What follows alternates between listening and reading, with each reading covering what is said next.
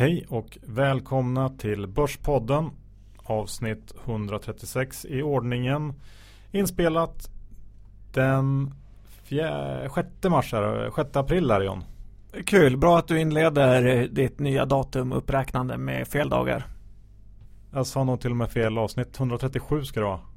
Ska vi spela om? Ja. Hej och välkomna till Börspodden avsnitt 137. Med John Skogman. Och Johan Isaksson. Och vilket datum är det? Ja, det är 6 april. 2016. Ja. Tack så mycket, vår härliga sponsor DeGiro. Ja, kolla in deras nya mobila version. Den är riktigt bra faktiskt. Kul att de produktutvecklar hela tiden. Det gäller för de andra nätmäklarna att hänga med här om de ska ha något med utlandshandeln att göra i framtiden. Dessutom Johan, min Giro-portfölj som haft som strategi att hela tiden köpa förlorarna har inte fungerat så bra faktiskt. Några gånger har det varit en hit men oftast fortsätter den berömda kniven att falla. Därför kommer jag nu införa en helt ny strategi som kallas all in-strategin Johan. Okej, det låter lite farligt. Ja, och eh, aktier är farligt. Och därför vill jag gärna ha ett tips från lyssnarna vilket bolag man ska köpa för att få en så kallad säker dubbling. Så ni kan hashtagga Diro-portföljen och ge den en säker dubbling, för det behöver den. Ja, och som man säger, don't do this at home. Ja, Diro.se, öppna konto. Mm. Och sen så ska vi också gå igenom det här med ljudet i Börspodden. Börspodden eh, tar ju lite ära i att själva ratta allt kring podden, ljud, klippning och så vidare. Det medför också att eh, ibland blir det lite problem. Inför 2016 så hade vi investerat stort i ny utrustning och eh, inrett en helt ny Börspodden-studio i vårt kontor John. Ja, det var många tusen lappar käpprätt. Så nu sitter vi tillbaka med de gamla mikrofonerna. Så... Ja, för vi har ju fått mycket klagomål på ljudet och eh, eh som du säger, vi är tillbaks med den gamla utrustningen och väntar på att ett proffs ska få komma hit och ställa in den nya eh, åt oss på ett bra sätt. Ja, som de säger i staterna, if it ain't broken, don't fix it. Och eh, det var det, det vi gjorde. Ja, det ligger någonting i det. Innan vi kör igång måste vi också presentera Lendify. Lendify.se Sveriges härligaste peer-to-peer lånare. Och eh, se till att öppna ett konto på lendify.se, titta vad de har och bli din egen bank. Snittavkastningen har varit 7% eh, men den kan du faktiskt öka om du själv sköter utlåningen. Lite så. drygt till och med tror jag. Ja, över 7% Johan, men Lendify är inte de som är de. Så därför öppna ett konto på Lendify och skapa ytterligare en intäktskälla som är helt eh, okorrelerad mot eh, börsen. Det är faktiskt väldigt bra och det är väldigt många som har gjort det. Så oh, låt inte alla andra tjäna pengar. Nej, nu kör vi igång avsnittet.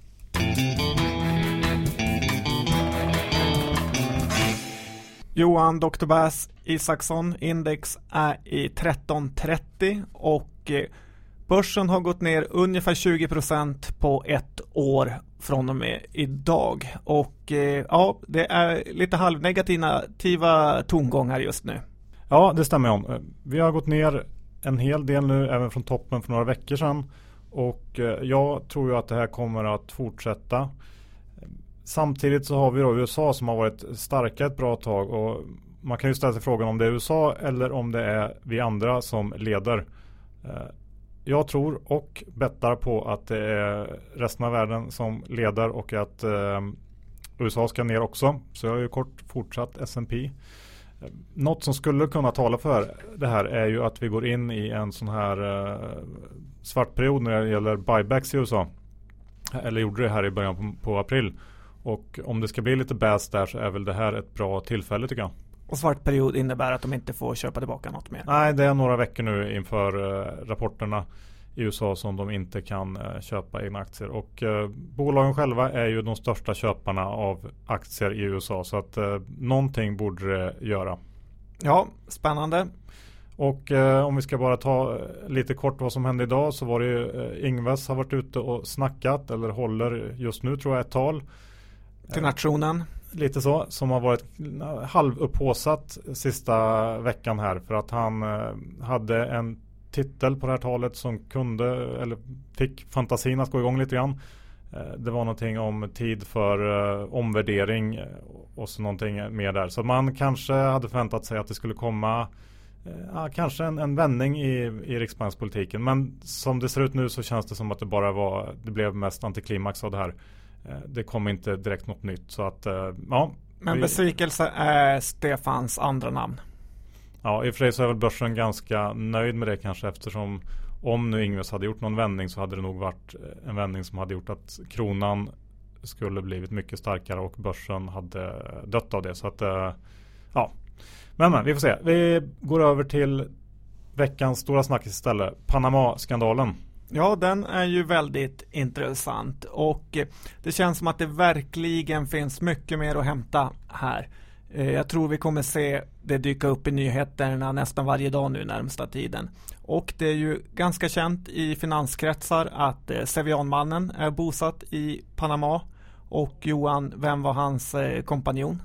Ja, han var ju kompanjon med Nordea-mannen. Precis, eh, och eh, nu snackar de här killarna bara brudar. Typ Ofelia och så vidare. Så att de har nog inget att oroa sig för ändå. Nej, de, de eh, klarar sig nog. Och sen kan man ju undra lite det här med Finansinspektionens, eh, vad deras uppgifter egentligen är. Hur det alltid kommer sig att det är journalister som lyckas skriva fram sådana här grejer. Och eh, nu hoppas jag att de i amerikansk anda Johan inte skickar ut en penningtvättbot på 10, 20, 30 miljoner kronor. Utan att de kanske tar i och det kostar 10-20 miljarder för Nalle att eh, fastna med fingrarna i syltburken. De här bankerna respekterar verkligen inte Finansinspektionen och det är uppenbart att de själva anser att de står över lagen. Man måste komma ihåg att eh, både SEB och Swedbank riskerade hela svenska banksystemet under 2008 med sina äventyr i Baltikum och eh, istället för att bli straffade Johan så fick de pengar för att styra upp situationen. Ja, men jag håller helt med där och jag kan också tycka att eh, Nordeas ordförande eh, Valros att han han har ju varit extremt tuff genom åren och sagt eh, en hel del saker som har varit väldigt kaxiga.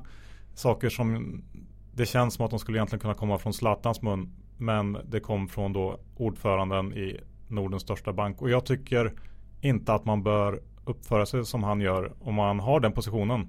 Vi kommer tillbaka till det vi pratade om förra veckan med vad bankverksamhet i grund och botten eh, handlar om. Och det handlar om förtroende och att ta hand om det förtroende som man har fått. Eh, och det tycker jag inte att eh, de här bankerna gör. Så att jag håller med dig. Hoppas på en riktigt rejäl fet bot. Och ingen utdelning på några år. Nej, det låter som att det skulle vara något. Ja. Sen var det ju Swedbank stämma igår och eh, jag tycker ändå man måste ge Sundström lite cred för att han verkligen står upp när det blåser något fruktansvärt. Den kritiken han har fått har inte varit nådig, men inte gömmer sig karn utan han är med aktuellt, han svarar på frågor, han går på stämman. Nej, jag är faktiskt lite imponerad över sådana killar som inte viker ner sig i första taget. Ja, jag håller inte alls med om. Eh, det tror jag mer beror på oförstånd än eh, att han på något sätt vill stå upp för sig själv. Han förstår inte vad han har gjort. Och jag vet, jag vet faktiskt inte vad du grundar det här på. Jag vet inte, du kanske känner igen dig själv? Det var inte jag som sa det Johan. Ja, ja, hur som helst så nu måste ju Sundström på något sätt hitta ett nytt jobb. Han kanske ska börja med trading on. Ja, då ska han inte börja just nu i alla fall. För det är enligt mig den svåraste perioden med trading som börjar nu. Och eh, sen jag började trada Johan på heltid sen 2010 så har det flera år varit så att efter utdelningarna här kring april så har jag gått in i en rejäl svacka. Börsen har ju en tendens att bli svajig och svag över sommaren. Och då är det väldigt, väldigt lätt att man börjar köpa in aktier för tidigt och hamnar i en så kallad härva. Därför försöker jag nu lätta ganska mycket på min aktieviktning just nu. Som proffsen säger Johan så tog jag ett strategibeslut för några år sedan. Att eh, mitt mål var att försöka tjäna pengar varje månad och eh, för att möjliggöra det här så väljer jag bort att ligga med lite för stora pussar under långa perioder. Och att man inte heller tar för stora pussar även i bets man tror väldigt hårt på. Så till exempel så trodde jag väldigt hårt att eh, Hansa Medical var ett mycket bra köp på 2023. Men jag köpte ändå en relativt liten del. För några år sedan hade jag förmodligen varit all in. Och då ska det sägas om jag inte hade varit all in i något annat. Och det här är verkligen en strategi Johan som jag eh, tror är vinnande på längre sikt. Att aldrig, aldrig vara all in, även hur mycket man tror på något. För det kommer alltid nya möjligheter. Det är lite som en pokerspelare. Att om du har förlorat alla dina chips, då är du ute. Men om du har kvar några så kommer det faktiskt alltid, alltid nya händer du kan spela. Och vad Ekman önskar att han hade hört på det här innan Valiant. Nej, vi byter ämne. Det har lanserats en ny analystjänst i Sverige. Ja, det har det gjort. Och eh, den heter Börsplus under ledning av Peter Benson. Det här kommer att bli riktigt eh, spännande att följa. Deras lineup, förutom Mr Benson, är den legendariske bloggaren 4020 och även Daniel Svensson från Börsveckan. Och det här kommer bli en beef mellan Avanza och Nordnet, Johan. Daniel Svensson var redaktör på Börsveckan och nu lämnar han något som är helt Nordnet-anpassat. Börsplus portfölj ligger uppe på Sharewill och har redan flera tusen följare. Och det här känns lite som när Real Madrid värvade Figo från Barca. Ja, och du har väl hört lite rykten hur, hur det låter borta hos Avanza nu? Ja, jag hörde faktiskt ryktesvägen att på senaste afterworken på Avanzas kontor så satt eh, Thomas Linnala på TLCs Unpretty. Hur är det den går nu igen? Ja, men du vet. You can buy your hair if it won't grow. You can fix your nose if it says so.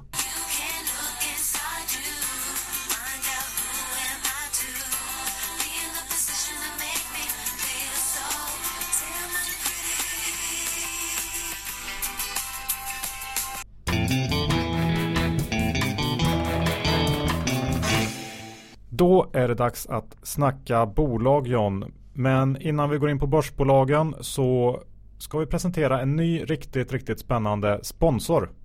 Ja, peppins.com och det här är crowdfunding för aktier. Det är ett helt nytt sätt och en helt ny tankegång. Och till skillnad från till exempel Kickstarter där man får lägga pengar för att vara med och i bästa fall få en produkt eller tjänst när det är klart så får man här via Peppins en andel i bolaget. Och jag tycker att den här idén är hur bra som helst. Att aktieägandet blir folkligt och att man får chansen att äga aktier i eh, mindre växande bolag. Ja. Och första bolaget de tar in är Alvesta glass. Ja, och vi var ju faktiskt ute på lunchen här och köpte in lite Alvesta glass. Och eh, ja, det här eh, var gott och det verkar som ett väldigt spännande bolag. Ja, det är det faktiskt. Alvesta glass är ett gäng gnetiga smålänningar som kombinerar att göra svingod glass med ett helt nytt distributionsgame som Coca-Cola säger. De kör själva ut sin glass och det är både för att få det bästa utrymmet i butiken och möjlighet att sälja andra produkter än sina egna. Bolaget tar in pengar nu och det gäller att snabba på innan emissionen är fylld. För både jag privat och vårt bolag Johan kommer att investera en liten del i det här. Så in på peppins.com och köp lite Alvesta glass. Yes. Nu tänkte jag att vi ska snacka om Tesla John. Ja, det var den lilla Elon Musk som eh, presenterade modell 3. Först tänkte jag bara eh, komma med någon slags generell tanke här att på samma sätt som många efter det som hände 2008, undertecknad, inräknad kanske, ser lite för många risker, svarta svanar runt om i världen och ja, liksom bara vänta på nästa stora katastrofras. Så tycker jag att minst lika många har blivit oproportionerligt påverkade av de här stora te teknikbolagens framgångar. Kanske framförallt då Apple. Och eh, visst, tekniken gör jätteframsteg men det betyder ju inte per automatik att alla nya bolag är fantastiska. Eh, och idag tänkte jag att vi pratar om Tesla då, som jag tycker lider av Apple-sjukan som jag kallar den. Spännande. Ja. Alla känner väl till att eh, Tesla släppte sin modell 3 i veckan som gick. Gensvaret från konsumenterna har varit eh, ofattbart bra och förhandsbokningarna tror jag ligger kring 300 000 bilar efter då bara några dagar. Så långt är allt gott. Många tänker nog att det måste vara superläge att köpa Tesla-aktier nu. Så jag tänker att vi tittar på den här idag för att eh, bena ut det. Och jag tycker att vi jämför Tesla med eh, BMW som man får anse är en av, om inte världens bästa biltillverkare idag. Och varför jag jämför med just BMW tänker jag ta upp lite senare. Men först har vi tittat på de här bolagen. Vi börjar med BMW som sålde 2,25 miljoner bilar förra året. Omsatte eh, 92 miljarder euro och eh, levererade en rörelsemarginal på ungefär 10 procent. Och det är ungefär så här många bilar de kommer att sälja i år också. Lite mer, 2,3 räknar man med. Och de har guidat för en marginal i intervallet 8 10% vilket jag tycker man kanske kan anta är någon slags maxgräns för vad som är möjligt idag. Rent eh, lönsamhetsmässigt för en biltillverkare. Eh, eftersom BMW har jättestora skalfördelar. De ligger väldigt långt fram teknikmässigt och de säljer ju faktiskt eh, premiumprodukter som alla vet ger en bättre marginal. Hur värderas då BMW? Jo, aktien handlas till ett P tal på 2016 års prognos strax under 8. Eh, en direktavkastning kring 4,5 procent. EV-EBIT 3,5. Det är ganska låg värdering. Räknar du med några finansieringsskulder eller hur ser den delen ut?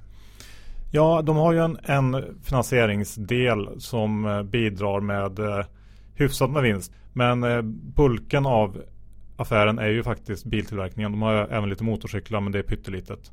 Och eh, bolaget har en nettokassa. Eh, finansdelen är ju svår att räkna på det sättet. Men, men EV i alla fall är, är lågt och eh, multiplarna är låga. Om vi tittar på Tesla då så sålde de 50 000 bilar förra året. Omsatte eh, 4 miljarder dollar och förlorade ungefär 1 miljard dollar på det. Men det är väl i grund och botten ganska ointressant utan det man får fundera på är hur många bilar eh, kan Tesla tänka sälja i framtiden och till vilken marginal. Och vilken marginal Tesla kan nå är ju såklart svårt att säga om. Eh, en del argumenterar för att elbilar har färre komponenter i sig vilket gör att tillverkningen kostar mindre och så vidare. Men eh, det här kommer i så fall gälla alla tillverkare och eh, de är ju dessutom långt ifrån den storlek som eh, till exempel då BMW har och alla fördelar som det medför.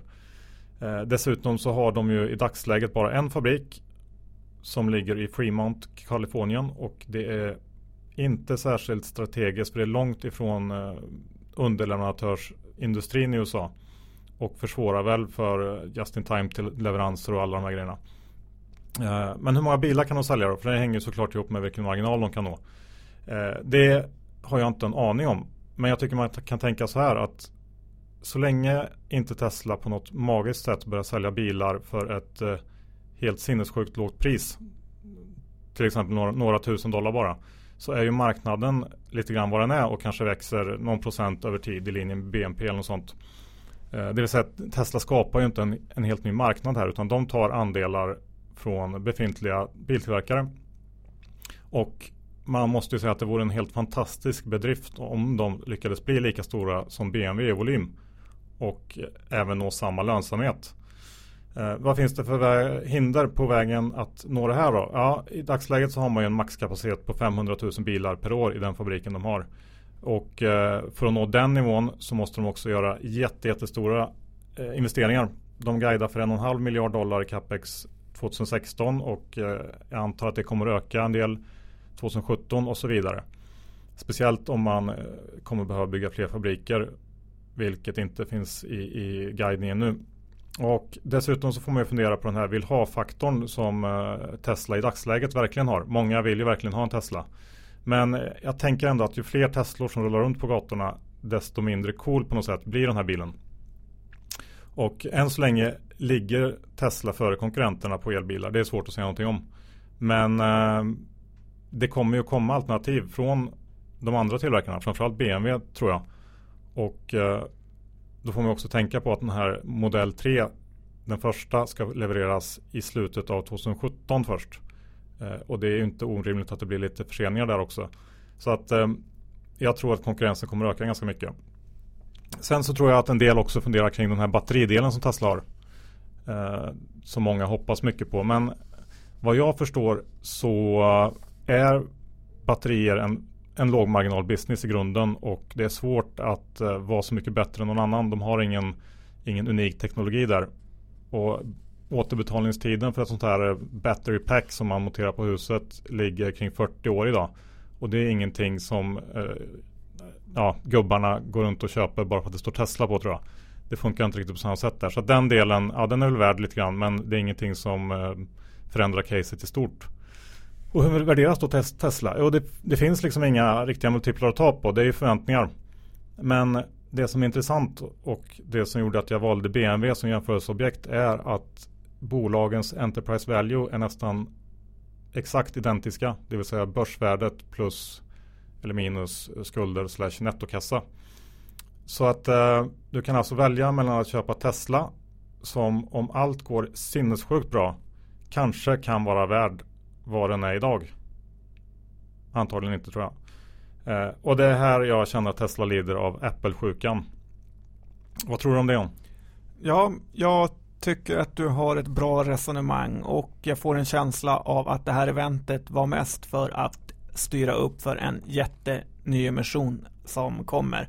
Att eh, sälja bilar nu som egentligen ska säljas 2017 eller 18 konkurrenterna kommer ha hunnit eh, betydligt längre fram då än vad de har gjort nu när Tesla låtsas om som att de redan är i 2017-18 när de egentligen inte har så mycket att komma med. Nej, så att från Börspodden blir det en fet sälj på Tesla. Och köp på BMW kanske? Ja, jag tycker att det ser ganska intressant ut. Men det är du klart delar att... inte ut köprekommendationer? Nej, men det är klart att de har sina problem också med eh, den globala ekonomin som håller på att gå rakt ner i källaren och såklart eh, den konkurrens de möter från eh, elbilstillverkare. Men som sagt, jag tror att de kommer att finnas med och slåss där också. Så köper jag någon av de här två så är det självklart BMW. Som man väljer mellan pest och förkylning? Ja, jag tycker nog BMW är lite bättre än en förkylning till och med.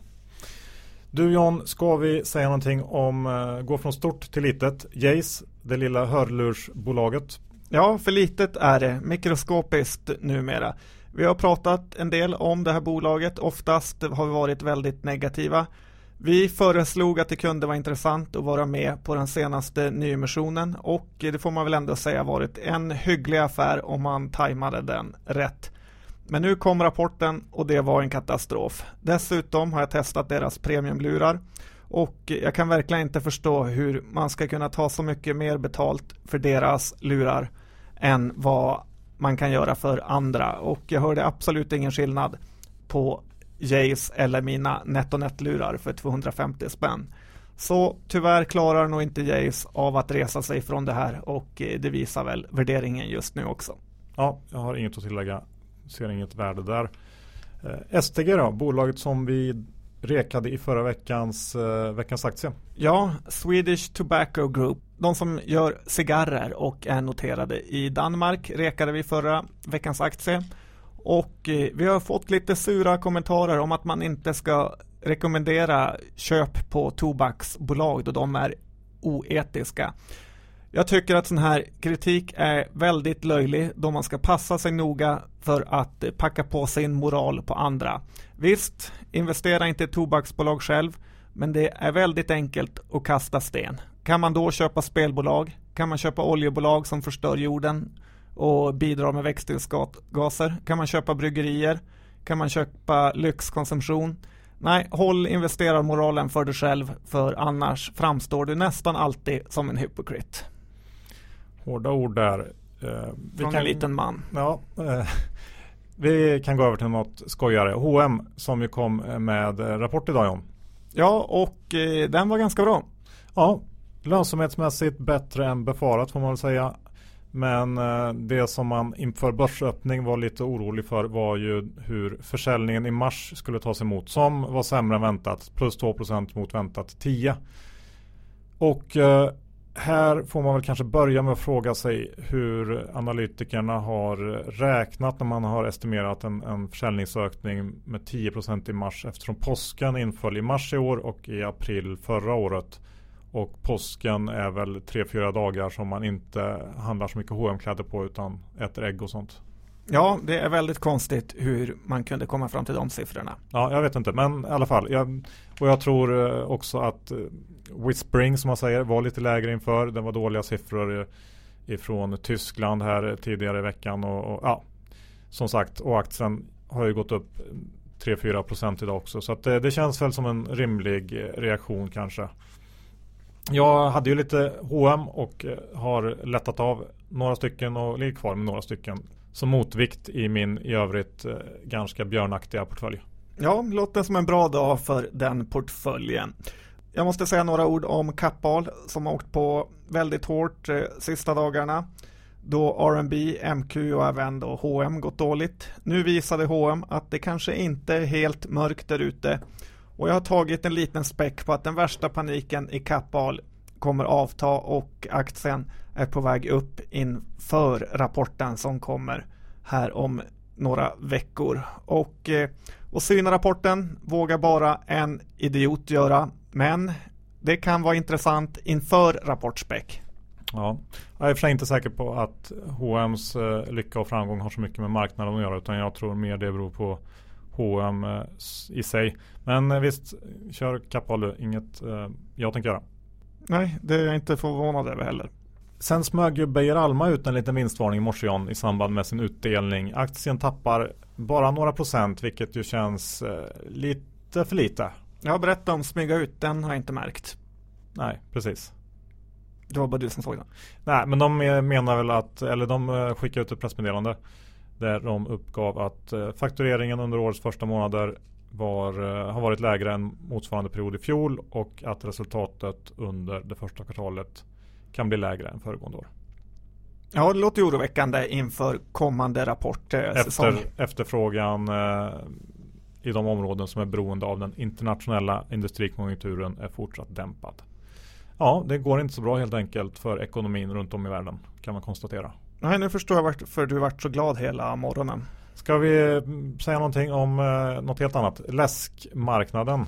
Ja, både du och jag är ju väldigt stora konsumenter av läsk och eh, det visar sig att läskkonsumtionen i USA faktiskt är den lägsta på 30 år. Och alla som har varit i USA måste ju då undra hur det är möjligt.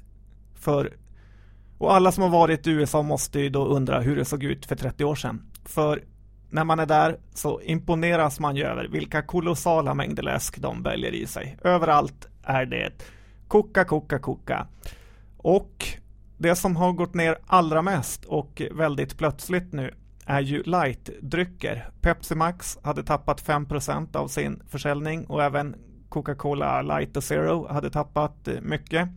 För det har blossat upp en ganska stor oro i USA för sötningsmedel och eh, aspartan som inte riktigt nått hit till Sverige. De läsk som fortfarande växer är Fanta och Sprite. Och om man funderar på om man ska köpa Coke eller Pepsi så får man tänka att Pepsi består till hälften av eh, snacks och mat, typ havrefras och Doritos, medan Coke fortfarande är 100% eh, dryck med olika smaker. Ja, och när vi ändå är inne på USA så händer det lite grejer i Valiant. Lite relief här sista dagarna. Ja, någon underlig kommitté har kommit fram till att det inte finns några fler skelett i Valiants garderob. Och det var ju positivt, så aktien gick upp eh, 10% igår. Men handlas ju såklart fortfarande på katastrofnivåer. Jag tror inte man ska ge upp det här bolaget riktigt än, utan är man våldsamt spekulativt lagd så kan man ha en liten stake i det här. Ja, eller så skippar man det. Sist av allt John. G5 kom med eh, försäljningssiffror igår, vilket fick aktien att eh, fullständigt braka ihop. Ja, den var ner 17 procent och eh, vad har du som har varit eh, negativ till den där länge och säga om det?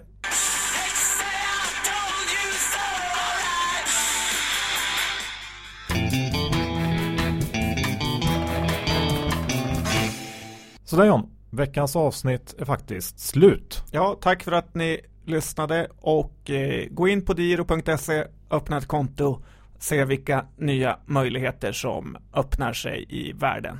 Ja, och eh, Hoppas att ljudet blev lite bättre idag med de gamla grejerna. Det kändes eh, bättre. Ja, det var lite krispigare. Jag tror det. Tack Lendify också. Ja, Lendify, ni gör ett kanonjobb med peer-to-peer lending.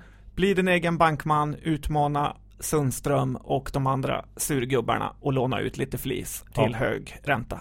Och se absolut till att gå in på peppins.com och signa upp er där och kolla in Alvesta glass. Sveriges svar på Ben Jerrys kanske man kan säga. Ja, det är riktigt gott och det är en riktigt bra affärsmodell. Man kan köpa aktier för så lite som 500 kronor. Så öppna konto på peppins.com och ta dig en liten onoterad stake. Ja.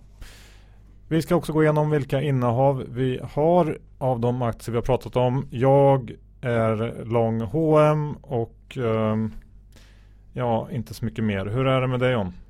Jag är lång Kappahl, lite Valiant. Och that's it eller? Och så dricker jag tre Cola Zero om dagen.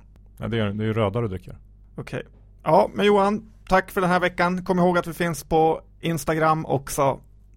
Ja, ha det fint så hörs vi om en vecka igen. Hej då! Hej!